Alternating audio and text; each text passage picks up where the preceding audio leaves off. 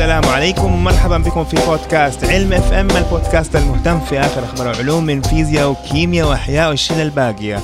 اليوم يوم الجمعة 25 مايو 2018 وهذه الحلقة رقم 87 وأظن أول حلقة في رمضان ولا يا ساري؟ أيوه هذه أول حلقة في رمضان كل عام وأنتم بخير وانت بخير إيش الأخبار؟ الحمد لله تمام كله تمام؟ ماشي الحال إحنا اليوم بنسوي حاجة جديدة بنحاول نسجل الحلقة حقتنا فيديو.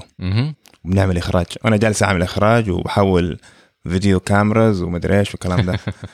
مرة يعقد مره مرة معقد. آه، لأنه إحنا متعودين بس على ال- الصوت ودحين عندنا كمان صورة والصورة مرة شيء معقد. يا يا. مم. فعندك عندنا حلقة اليوم آه، شيقة. إن شاء الله. هي كل عن الفيروسات. وهي جد بالحظ مو أنا خططتها كذا هي صدف إنه في شغلات كثيره عن الفيروسات طلعت فقلت نحطها كلها في حلقة واحدة. ممتاز. طيب يلا نبدأ؟ يلا. طيب أول خبر يقول آه علاج الزكام. أيوه. أنا أعرف إنه الزكام ما له علاج. هو مزبوط صح. معظم الفيروسات ما لها علاج. عادة إحنا بناخد أدوية عشان نخفض من الأعراض حقت الفيروس حقت المرض. آه لكن جزء منها كبير ما بيكون له علاج. لكن هنا هذا المقال بتقول لك إنه في مجموعة بحثية في جامعة امبيريال في بريطانيا لقوا أو أو صنعوا علاج ضد الزكام دحين في فرق بين الزكام والإنفلونزا. الزكام أو بالإنجليزي الكومن كولد اللي هو إحنا برضو كمان نسميه آه، آه، ترشيح عارف اللي رشح. رشح. يجي لك كذا شوية في حلقك يجي لك شوية في آه، في المناخير كذا شوية بلغم آه، كحة ما يجي بحرارة. ع- نادر نادر يجي بحرارة. تمام؟ آه، في الناحية الثانية عندك الإنفلونزا اللي هي مرض مره خطير. إيه، ممكن حتى يسبب الوفاة. هذا اللي هو عادة الناس يخافوا منه. فالإنفلونزا لما تيجي الشخص يعرف إنه جاته إنفلونزا لأنها شديدة ومختلفة تماما عن ال- الزكام العادي. فالانفلونزا طبعا المسبب لها فيروس الإنفلونزا وفي A وفي B في أنواع في آخر مرة قعدنا نتكلم مو آخر مرة يعني في واحدة من الحلقات السابقة قعدنا نتكلم على الإنفلونزا الإنفلونزا فيروس نفسه كيف إنه هو عنده نوعين من البروتين ال- ال hemagglutinin وال neuro neuraminidase اتلخبط في النطق حقها بس ال- الإنفلونزا هي اللي تموت. طيب بس إحنا اليوم ما بنتكلم على الإنفلونزا بنتكلم على الزكام. والزكام ما هو نوع واحد من الفيروسات اللي بتسببه لا انواع كثيره فمثلا عندنا نوع من أنواع ال الفيروسات اللي تسبب الزكام زي ال rhinovirus هذه تسبب من 30 ل 80% من حالات الزكام. بعدين عندنا الادينو فيروس وبعدين عندنا واحد مرة مشهور الكورونا فيروس. فالكورونا فيروس أصلا يسبب الزكام. فهمت علي؟ ال- ال- الشغلة المشكلة في في الفيروسات إنها مو ما هي زي البكتيريا. إحنا عندنا أدوية معينة تحمين أو تساعدنا في التفوق على البكتيريا اللي هي نسميها المضادات الحيوية antibiotics لكن إحنا ما عندنا شيء زي ال antibiotics للفيروس. عندنا أي antivirals بس عشان إحنا دحين فهمنا في عصرنا الحديث فهمنا إيش هو التطور وكيف بينتج التطور عن طريق آه، آه، الاستخدام السيء للأدوية. فبما إنه إحنا عندنا نوع من أنواع ال antivirals المضادة للفيروسات ما بنستخدمها. إحنا بنحوشها كده بنكوشها فقط لأوقات الطوارئ. يعني مثلا حالة طارئة آه، زي الإيبولا. لعلمك الإيبولا بدأت تطلع مرة ثانية في في الكونغو. أوه wow. أيوه. فهذا هو متى السبب. بدأ يطلع الموضوع ده؟ أعتقد الأسبوع اللي فات ولا قبل, وقبل كم سنة كان عليه أزمة صح؟ قبل كم سنة طلع في سيريا سييرا ليون بس طلع يعني وباء. أي. فهمت علي؟ يعني الإيبولا الخطر فيه إنه على حسب علمي نسبة الوفاة يا 10 يا 40% ماني فاكر. أعتقد كانت أتوقع 40% 40 أعتقد كانت 40% آه, آه صح صح. ال- الانفلونزا اللي هي كانت 10% آه، المهم نسبة الوفاة مرة مرتفعة. فعشان كده الناس كانوا مرة خايفين. دحين إحنا لما لما نقول لك مثلا 40% يقول عمي 40% لما أجي أقول لك مثلا 10% يقول يا عمي 10% لا مرة كثير 10% من كل 10 أشخاص؟ واحد يموت. واحد يموت. أيوه. يعني أديك مثال ال آم، معناه الفلونزا- معناه إنه أنت ما تفكر في الشخص كمان الشخص هذا حواليه ناس. أيوه. فمعناه إنه يعني إذا كله افترضنا إنه كل واحد دائرته 100 مهم. من 10 أشخاص من الناس اللي 10 عاشوا. أشخاص من من أحب أحبابك وأقاربك وأصحابك؟ ماتوا مزبوط أيوه. على حسب علمي الفلونزا الأسبانية اللي هي الاسبانيش فلو اللي طلعت سنة 2000 آه، آه، 1918 أعتقد إذا ما كنت مخطئ نسبة الوفاة حقتها كانت 3% أو يمكن 5% فهمت علي؟ وهذه اللي هي موتت ناس أكثر من الحرب العالمية الأولى. يعني بعد الحرب العالمية الأولى جات هذه الإنفلونزا وموتت ناس أكثر من الحرب نفس لمده أربع سنين فهمت؟ ونسبة الوفاة حقتها اللي هي كده تعرف اللي هي أنت تفتكر إن هي قليلة؟ 3% 4 10% بس لا يعني موتت ملايين ملايين ملايين. فلما نيجي نقول لفيروس نسبة الوفاة حقته 40% هذا شيء مرة يخوف. فهمت علي؟ إحنا رحنا في مكان تاني دحين. نرجع للزكام. فالزكام ليش أحد يعمل بحث لماده كيميائية تعالج ضد الزكام. يعني هو زكام عارف؟ يجيك تكح شوية ينزل لك شوية كده آه، آه، آه، آه، سوائل ومخاطين وبعدين خلاص يروح منك بعد أسبوع. آه، في زاوية معظم الناس ما يفكروا فيها. معظم الن- الناس يفكروا آه، طيب هذا مرض يموت ولا هذا مرض ما يموت؟ هذا مرض آه، آه، يخوف ولا ما يخوف؟ بس في زاوية تانية هي الاقتصاد. يعني مثلا الزكام نفسه بيسبب إلى 27 مليون حالة غياب من العمل في السنة. 27 مليون شخص ما بيروح الشغل حقه. آه، آسف مو مو 27 مليون شخص. 27 حاله مليون حالة. مليون حالة غياب في السنة فهمت علي؟ اضربها في معناته- 8 هذه معناها كم ساعة؟ يعني تقريبا ربع آه، 200 مليون ساعة. أيوه مظبوط. عمل ضاعت. مظبوط أيوه. فكده أنت الاقتصاد حقك يتأثر. إذا أنت عندك جزء كبير من الشعب حقك ما بيشتغل بسبب مرض فأنت الاقتصاد حقك كده كفاءته ما هي جدا مرتفعه يعني ممكن يكون كفاءته أعلى. فهمت علي؟ وهذه واحدة من الأسباب بيقول لك أيوه طب إحنا عندنا أمراض ما تموت بس لسه بتأثر على الاقتصاد. فهمت علي؟ ف آه إذا أنت حسبتها تقدر تقدر تقول إنه الشخص العادي ممكن عادة يقعد سنتين ونص من حياته عنده زكام. فهمت؟ اللي بيجيك الزكام مرة مرتين في السنة آه غالبا إذا جمعتهم تطلع سنتين ونص من حياتك. المهم كيف العلاج هذا؟ دحين ال- ال- المضادات الحيوية بتشتغل في البكتيريا إنها هي جزيئة وتروح عند بروتينات معينة وتقفلها يعني بالاختصار الشديد. فهمت علي؟ زي مثلا ال- ال- البنسلين أو البنسلين اللي هو أول مضاد حيوي. البنسلين بيروح عند بروتين معين في البكتيريا. هذا البروتين يمنع آه، آسف ال- ال- البنسلين يروح عند البروتين هذا ويمنعه من إنه يركب الجدار الخلوي حق البكتيريا فبالتالي ما تقدر تحمي نفسها من الطبيعة اللي هي جوا جسمنا آه، ما تقدر تتكاثر بسرعة ما تقدر آه، تنمو بسرعة فيعطي جسمنا قوة إضافية إنه نسيطر عليها تمام؟ فهل هذا الموضوع بيشتغل على الفيروسات؟ لا لأنه الفيروسات ما نعتبرها كائن حي. فهمت علي؟ معناته إذا إحنا مسكنا الجزيئة وأعطيناها لبكتيريا وهذه الجزيئة أغلقت جزء من ال- التفاعلات الكيميائية حقت البكتيريا كده إحنا ممكن نوقف نمو بكتيريا أو نموت البكتيريا. بس الفيروس ما هو كائن حي أصلا. فهمت علي؟ فإذا أنت مسكت مادة كيميائية وأعطيتها لل- للفيروس يرتبط فيه غالبا ما حيأثر عليه. تمام؟ مو بس كده آه حتى التطور حقه حق الفيروس مرة أسرع. فهنا ال- المقالة صح إنه إحنا بنتكلم على آه، آه، علاج للزكام لكن المقالة إذا إذا إنسان في آه، علم الأحياء في تخصص ال- الأحياء الدقيقة حيفهم وزن هذه المق... هذه المقالة.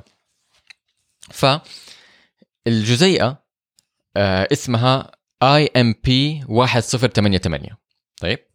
وهذه الجزيئة ترتبط في آه انزيم اسمه هيومن ان myristo myristoyl transferase طيب فهذا البروتين شو يسوي؟ هذا البروتين أول شيء إنه هذه الجزيئة ترتبط في البروتين حق البشر مو حقة الفيروس فهمت ف كده إحنا غيرنا التفكير حقنا بدل ما إحنا نهاجم الفيروس إحنا بنهاجم الجزء في جسمنا إحنا اللي الفيروس بيستخدمه فهمت علي؟ هذا ال- يعني كأنك بتحصن دفاعاتك. نوعا ما أيوه. بس. أو مو مو متحصن دفاعاتك كأنك أنت بتقول كأنك بتعمل كأنك أنت بتدمر جزء من جسمك ما ي... عشان الفيروس ما يقدر يستخدمه. فهمت علي؟ أنت طبعا ما بتدمرها تماما أنت بتوقفها فترة معينة لحد يعني بتوقف الحلقة الأضعف؟ كأنك بتوقف الحلقة الأضعف. تقدر تقول كده أيوه. أو زي ما زي إحنا بنفكر فيها في, الجيش كأنك أنت بتدمر الطيارات حقتك عشان العدو حقتك الطيارين حقته ما يقدروا يستخدموا الطيارات حقتك فهمت علي؟ المهم بس هذا هو التفكير ال- المختلف عن التقليدي. فهمت؟ عادة التفكير التقليدي إحنا نروح عند الفيروس أو البكتيريا أو الطلائعية أو الطفيلية ونهاجمها هي نفسها. بس هنا لا أنا أقول لك لا إحنا ممكن نهاجم الجزء اللي في جسمنا اللي بيستخدمه تمام؟ فهذا البروتين إيش يسوي؟ هو صح بروتين هو إنزيم. هذا البروتين الإنزيم بيمسك دهون معينة دهون اسمها آه، آه، جزيئه دهن اسمها أسيد. تمام؟ فهذا نوع من أنواع الفاتي اسيد اللي هي من الدهون ويربطها في بروتين على أساس إنه هذا البروتين يطلع إلى سطح الخلية. تمام؟ اكتشفوا إنه فيروس الزكام أو أنواع ال- الفيروسات حقت الزكام بتستخدم نفس البروتين ه- نفس ال- الإنزيم هذا عشان تركب ال- القفيصة حقتها اللي هو الكابسيد. ترى ال- الأسا- المصطلحات في اللغة العربية العلمية ترى مرة حلوة. القفيصة تمام؟ فهي بتركب القفيصة حقتها أو اللي هي زي ال- الكابسيد أو البروتين اللي إيش حوالين القفيصة يعني؟ تصغير قفص؟ أيوه مضبوط أيوه هي, هي يعني بالإنجليزي يسموها شل viral shell تمام؟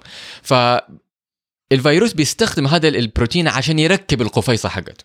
اللي هي ال ال الشبكة شبكة البروتينات اللي تحمي الجينوم حقه ال DNA حقه أو في الأص... أو في بعض المرات الفيروس بيكون فيها RNA تمام؟ فإذا هم وقفوا هذا البروتين إذا هم وقفوا هذا الأنزيم الفيروس ما يقدر يستخدمه عشان يبني القفيصة حقته فبالتالي ما يقدر يتكاثر. فهمت؟ أوكي. جميل. آه كده كده حلينا المشكلة يعني؟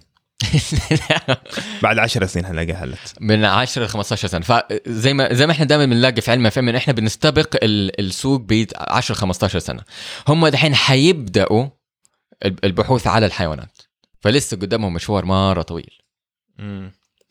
طيب نضل في إحنا شكلنا بس أي أنا قلت نغير. نغير لا أنا بقول نغير اسم ال show من علم FM لأحياء FM الخبر الجاي برضو مرض ولا فيروس انتشر في أستراليا.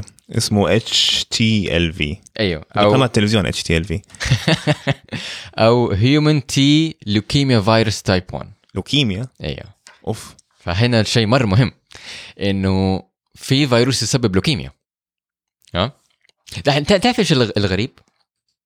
إنه ال- ال- العالم اللي آه، بيتكلم عن هذه المقالة اللي هو بي أو عن طريقها بيعبر للناس المجتمع إنه إحنا عندنا هذا الفيروس نحتاج نعالجه.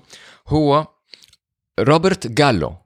دحين روبرت جالو هو نفس أو أحد الأشخاص اللي اكتشفوا ال HIV ولكن ما فاز جائزة نوبل. وما هم- وما حد عارف ليش. مع إنه هو واحد من الناس الأساسيين اللي آه، عرف آه، فيروس ال HIV وإنه هو المسبب الأساسي للإيدز. هذا طبعا كلام في الثمانينات. هو وزملائه الفرنسيين لكن زملائه الثانيين هم اللي فازوا بجائزة نوبل هو ما فاز. ما يعني يعني إيش. ما أعرف يعني. يبغى لنا نسوي حلقة عن ال البوليتكس اللي في الجوائز هذه. صح؟ إيه الناس اللي ما هم فاهمينه إنه الناس يفتك أو ناس كثير يفتكروا العمل العلماء ي- يبحثوا عن الجوائز، ترى معظم العملاء العلماء ما يبحثوا عن الجوائز. صح إنه في بعض العلماء آه، يفضلوا يفكروا آه أنا أبغى جائزة هذه وأنا أبغى جائزة هذه وأنا بس معظم العلماء ما يفكروا بهذه الطريقة لأنه الجائزة ما تدعم أو ما تساعد التطور حق ال- العمل حقنا الكارير حقنا فهمت علي؟ الطريقة الوحيدة اللي إحنا ممكن نترقى فيها كباحثين هي في المنشورات العلمية بس ما في شيء ثاني نرتقي نرتقي تمام؟ فالجوائز هذه ما تفيد يعني إذا إذا واحد أخذ جوائز ولا احد ما أخذ جوائز ما بتفيده مرة كثير فهمت علي؟ فمعظم الناس يعني ما يفكر في هذا الموضوع لكن زي ما أنت زي ما أنت قلت فيها سياسة مرة كثير طيب نرجع للخبر نرجع لخبر فهذا فيروس انتشر في شمال أستراليا اكتشف أو أول شيء هو مكتشف من سنه من 40 سنة تقريبا من سنة آه، 79 وهو أصلا من آه، أمريكا الجنوبية. لأن اكتشفوه حتى في المومياء في أمريكا الجنوبية من 1500 سنة. فالغريب اللي فيه إنه اكتشفوا إنه 40% من الأصليين الأستراليين اللي هم يسموهم الأبوريجينالز 40% منهم عندهم هذا المرض. فهمت علي؟ ما في أي مرض تاني موجود بنسبة 40 في 40% في المجتمع. فالمقاله بتحاول تعرف الناس على هذا الفيروس اللي هو لعلم كتر هو يشبه ال HIV فهذا اللي يخوف شوية فهمت؟ أنت عارف ال HIV كيف يشتغل؟ أو إيش المشكلة اللي مو مهم إنه أنا أعرف مهم المستمعين يعرفوا. أنا بقول لك أنت ليك انت اللي قدامي. عشان يلا. تجارينا في الكلام. أشرح. الاتش اي في طبعا الاتش اي في خطر لأنه هو يموت ب... عن طريق إنه هو يصيب ال... الجهاز المناعي. فهو أصلا يصيب الجهاز اللي بيحمي الجسم من الفيروسات والبكتيريا والأمراض الجراثيم. بس مو هنا الصعوبة في العلاج حقته. الصعوبة في العلاج حقته إنه هو لما يجي يتكاثر يتكاثر بخطأ. فهمت علي؟ هو هو بمعنى آخر ال... ال... الأنزيم اللي جوا جسمه ال- الأنزيم اللي جوا الفيروس اللي يساعد على تكاثر الفيروس خربان. فهمت علي؟ معناته إنه ما بيكاثر الفيروس بطريقة صحيحة. وجزء كبير من الفيروس أصلا يطلع خربان. يعني ما يطلع فيروس أصلا صحيح. فهمت علي؟ لكن عشان الفيروس بي يتكاثر بطريقة مرة سريعة ممكن إنه يتطور. فإذا أنت عندك فقط 0.01% من الفيروس نجح وتكاثر هذول يطلعوا ويصيبوا آه، خلايا أخرى تمام؟ إذا 0.01 من هذول الفيروسات آه، تطوروا بحيث إنهم يقاوموا العلاج أنت بتدي لهم هو كده صار عندك أنت فيروس جديد. فهمت علي؟ هذه هي المشكلة ال- التخوف في الاتش اي في و آه، واللي تخوف كمان إنه في فيروس يكون أو يسبب ال- اللوكيميا. تعرف اللوكيميا إيش اسمها بالعربي؟ ابيضاض الدم. بيضاض ما- وه- وه- وهذه الترجمة الصحيحة لأنه لوكيميا من leuk يعني أبيض بال- بال- باللاتيني. و وهي تعبر وهي والاسم يعب الاسم معبر لأنه صحيح لما تشوف الدم تلاقي إنه نسبة كرات الدم البيضاء ازدادت لأنها سرطان أو أصبحت سرطانية. هذا الخبر الثالث. هذا الخبر الثاني. الثاني. أيوة عشان. الخبر الثالث مشابه. مشابه جدا أيوه الخبر الثالث بيقول لك إنه اكتشفنا مسببات لابيضاض الدم وهو اللوكيميا طيب خلصنا من آه، أستراليا أنت عندك checklist يا رامي أيوه عندي checklist Trello خلصنا واحد. خلصنا اثنين. لا عشان أنا بس متلخبط عشان أنا فعلا كنت بطالع في ال- المقالات اللي أنت عامل لها يعني links. وبتكلموا نفس الشيء لوكيميا لوكيميا أي. هو- هي طلعت بالحظ الحقيقة إنه اكتشف آه، طلع الخبر حق الأس... آه، الفيروس في أستراليا يسبب ابيضاض الدم وكمان طلع في نفس الوقت آه، خبر إنه ابيضاض الدم اللوكيميا أصلا سببها فيروسات دحين هذا الخبر شوية شوية غريب أو شوية معقد حتى أنا حاولت أغوص فيه بس كان شوية فيه لخبطة لأنه يقول لك مو مو طبعا في طبعا في أنواع من من ابيضاض الدم في أنواع من اللوكيميا لكن هنا إحنا بنتكلم على ال acute lymphoblastic leukemia هذا نوع معين اللي هو عادة للأسف بيكون في الأطفال. مو عادة اسف أعلى نسبة سرطان في الأطفال هي ال ALL ال acute lymphoblastic leukemia. وواحد من العلماء ال- في المقالة هذه ال- ال- اللي هو بيقود المجموعه البحثية بيشرح إنه هو اكتشف إنه ال... هذا المرض هذا السرطان سببه فيروس يعني سببه من الطبيعة فهمت علي؟ بمعنى آخر إنه إحنا لقينا سبب ممكن ن- نتفاداه فهمت علي؟ ف يقول لك إنه الطفرة الجينية الطفرة الوراثية اللي بتصير في الطفل عادة تبدأ في الرحم هذا معناته إنه في نسبة كبيرة منه ممكن يكون وراثي دحين ما شرحوا بالتفصيل إذا هو وراثي يجي من الأب والأم والأب والأم كده ولا هو طفرة وراثية عشوائية تحصل وقت ما الجنين بيكون في الرحم. تمام؟ في, في كلا الحالتين ال ال الطفل بيتولد وعنده عنده قابلية وراثية إنه يط- يطلع منه أو يطلع فيه بيضات دم. تمام؟ بس هنا المشكلة المشكلة إنه بعد كده ممكن يجيله أو أو أو اللي يبدأ السرطان هو فيروس فهمت علي؟ يعني ممكن الإنسان يكون عنده الوراثة حقت اللوكيميا لكن ما تطلع له إذا ما جاله هذا النوع من الفيروسات، وعادة الفيروسات بتكون زكام وإنفلونزا. فهمت علي؟ فالفكرة بيقول لك إيش؟ كيف إحنا ممكن نتفادى أو نقي نفسنا من هذا الموضوع؟ لأنه آه، اللوكيميا خصيصا ال ALL هي أعلى نسبة سرطان في الأطفال. فهمت علي؟ فإذا إحنا قدرنا نعالجها قدرنا آه، نتخطاها كده إحنا بنحمي أطفال كتير حول العالم فبيقول لك إنه بما إنه السبب حق هذا النوع من اللوكيميا هو طبيعي معناته إحنا ممكن نتفاداها ممكن نقي نفسنا منها بس ال- الشيء الغريب يقول لك إنه ال ال ال المورثات اللي بتؤدي إلى ال ال- اللوكيميا سببها إنه إحنا ما بنتعرض على جراثيم كفاية في بداية حياتنا فبالتالي لما نتعرض على الإنفلونزا والكورونا فيروس في المستقبل يطلع ممكن يطلع آه لوكيميا. فهمت علي؟ فتحتاج كأنك أنت بت بت بتحارب سم بسم. فهمت علي؟ كأنك أنت ب- بتحارب اللوكيميا عشان تقي نفسك من فيروسات بإنك تخلي الطفل يتعرض إلى بكتيريا وفيروسات في بدا في حياته ال- البداية في, في, في بداية حياته. فهمت علي؟ فيقول لك مثلا إنه بدل ما تخلي الطفل يكون في طبيعة جدا معقمة عادي خليه يلعب في الجنينة. طبعا بعقل يعني مو أنت تخليه يلعب في الطينة ويأكل الطينة لا مو للدرجة هذه فهمت علي؟ يحتاج يكون في وسطية في الموضوع. بس إنه تخليه مثلا يلعب تخليه يحتك مع أطفال تانيين. فهمت علي؟ اكتشفوا إنه نسبة الأطفال اللي بيرضعوا رضاعة طبيعية أو اللي بيدخلوا الحضانة بدري عندهم نسبة مرة متدنية من اللوكيميا. لا فهذه واحدة من الأشياء اللي تدعم هذه الفكرة. إنك أنت لما تحتك لما تخلي الطفل يحتك مع أطفال تانيين ممكن ياخذ منهم شوي بكتيريا ممكن ياخذ منهم شوي زكام هنا ولا آه، آه، آه، جراثيم هنا وهذه تخلي المناعة حقته تتطور. فهمت علي؟ اسمها ال hygiene hypothesis. دحين المو... الفكرة هذه ما هي غريبة بالنسبة لي لأنه هي نفس المنطق اللي بينطبق على الحساسية.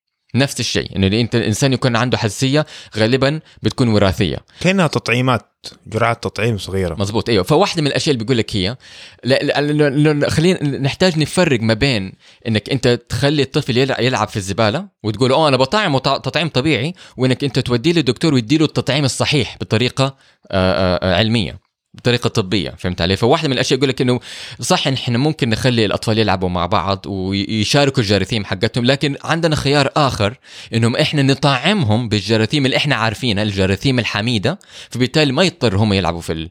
أو يتوسخوا أو أو أو يعدوا مرحلة ال- المرض. فهمت علي؟ بس هذه هي اسمها ال hygiene hypothesis. جميل. فال hygiene hypothesis زي ما قلت لك آه، آه، ما هي غريبة بالنسبة لي شفناها في الحساسية بنفس المنطق الحساسية وراثية لكن مو معناته إن الإنسان بيورث الحساسية هو يورث قابلية إنتاج الحساس- الحساسية في جسمه فهمت؟ أو ظهور آه، قابلية ظهور الحساسية في جسمه. فبالتالي إذا جت له أشياء معينة في أوقات معينة في حياته ممكن تطلع عنده حساسية. فعشان تتفادى الحساسية تحتاج إن الإنسان ما يكون في الطبيعة جدا معقمة. يحتاج يكون في طبيعه عادية بس طبعا كمان ما هي جدا وسخة لأنه أنت ما تبغى كمان إنسان يمرض بأمراض بكتيرية وفيروسات ويصير عنده إعاقة مزمنة. الله يجيرنا إن شاء الله. الحلقة قصيرة اليوم. لا؟ ما نحن؟ محافظين. اي لسه في كمان آه، مقالة. ما هي عندي في Trello. ما طلعت لك ما اقولها خلاص خش خش في الموضوع. خش في صلب الموضوع ما في مشكلة. فالمقالة تقول لك إنه في فيروس آه آه ظهر برضه كمان في الهند. اسمه Nipah virus. نيبا. أيوه. نيبا زيكا زيكا زيكا نيبا نيبا زيكا زيكا. عادة بيست... بت... هذه الفيروسات تتسمى بعد المدينة أو المنطقة اللي هم أول مرة اكتشفوها فيها. زي مثلا إيبولا. إيبولا كان يا نهر يا أم... أم... إيش اسمه؟ قرية. لا مو قرية. آه غابة. يا يا إنه نهر إيبولا يا إنه غابة إيبولا. زيكا نفس الشيء. آه, آه أعتقد أيوه. آه إيبولا كان متسمي بعد نهر إيبولا في الكونغو أو في جمهورية آه، أفريقيا الوسطى. والزيكا كان متسمي بعد آه، غابة زيكا okay يعني Ebola River و Zika Forest. okay. فهنا بيقول لك إنه إحنا عندنا ال Nipah virus. وال Nipah virus أصلا هو فيروس للخفافيش. تمام؟ هذا زي كان عندنا إحنا ميرس زي ال- زي ال MERS coronavirus. okay. أيوه ال MERS coronavirus أصلا هو موجود في الخفافيش وانتقل للجمال ومن الجمال انتقل للبشر. نفس الشيء. يعني مو نفس الشيء بس يعني بطريقة مماثلة. فأيوة فال Nipah virus موجود في الخفافيش وانتقل إلى البشر في جنوب الهند في كيرلا. المشكلة إنه طبعا هو هذا ما هو شيء جديد هو مكتشف من زمان. تمام؟ بس بدأ ينتشر دحين وبدأ هو إيش اللي يخوف اللي يخوف إنه يكون عندك أنت هذا الفيروس موجود في المجتمع وبعدين يحصل له طفرة يتطور ويصير يطلع من هذا المجتمع وينتشر في العالم كله زي ما حصل في زيكا فهمت علي؟ وهم زي ما هم كانوا خايفين يحصل في إيبولا تمام؟ فالمشكلة حقت نيبا فيروس إنه هو يسبب له الوفاة عن طريق التهاب الرئة فيكون التهاب في الرئة فالرئة ما تصير تنقل الأكسجين بطريق بكفاءة عالية فينقص الأكسجين في جسم فالإنسان يدخل في غيبوبة وكمان التهاب المخ. يحصل يعمل آه، التهاب في المخ فالإنسان يدخل في غيبوبة وممكن بعدها إنه يتوفى. حاليا في الهند في ثلاثة أشخاص توفوا من نفس العائلة. هو غالبا أحد جاله هذا المرض ونقله أعتقد لي يا مراته يا أخته وعمته أو أم أو شيء بس هم كانوا عائلة واحدة وانتقل لهم الفيروس والثلاثة ماتوا. المشكلة إنه ما له علاج وما له لقاح. فهمت علي؟ فهذه المشكلة، فدحين ال- الحكومة الهندية بتحاول إنه نوعا ما تسيطر على الموضوع، بتحاول تشوف كل الناس حوالين دول ثلاث ثلاث حالات وفاة عشان يشوف هل عندهم الفيروس هل ما عندهم الفيروس، إذا عندهم الفيروس يعزلوهم لحد ما يروح هكذا. يعملوا لهم حجر يعني مهم، مظبوط. اليوم بس أحياء هي طلعت كده من نفسها يعني. بكرة إن شاء الله حنسجل مع ريم طيبه. ويكون عندنا فيزياء وبعد فترة كمان مع عمير طيبة. ما أدري أنا جايب بس أنا بيسكلي عملت مستدفر عشان أجيب اقاربي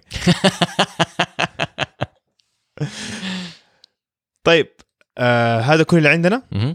أنا رامي طيبة. وأنا ساري صبان. والسلام عليكم.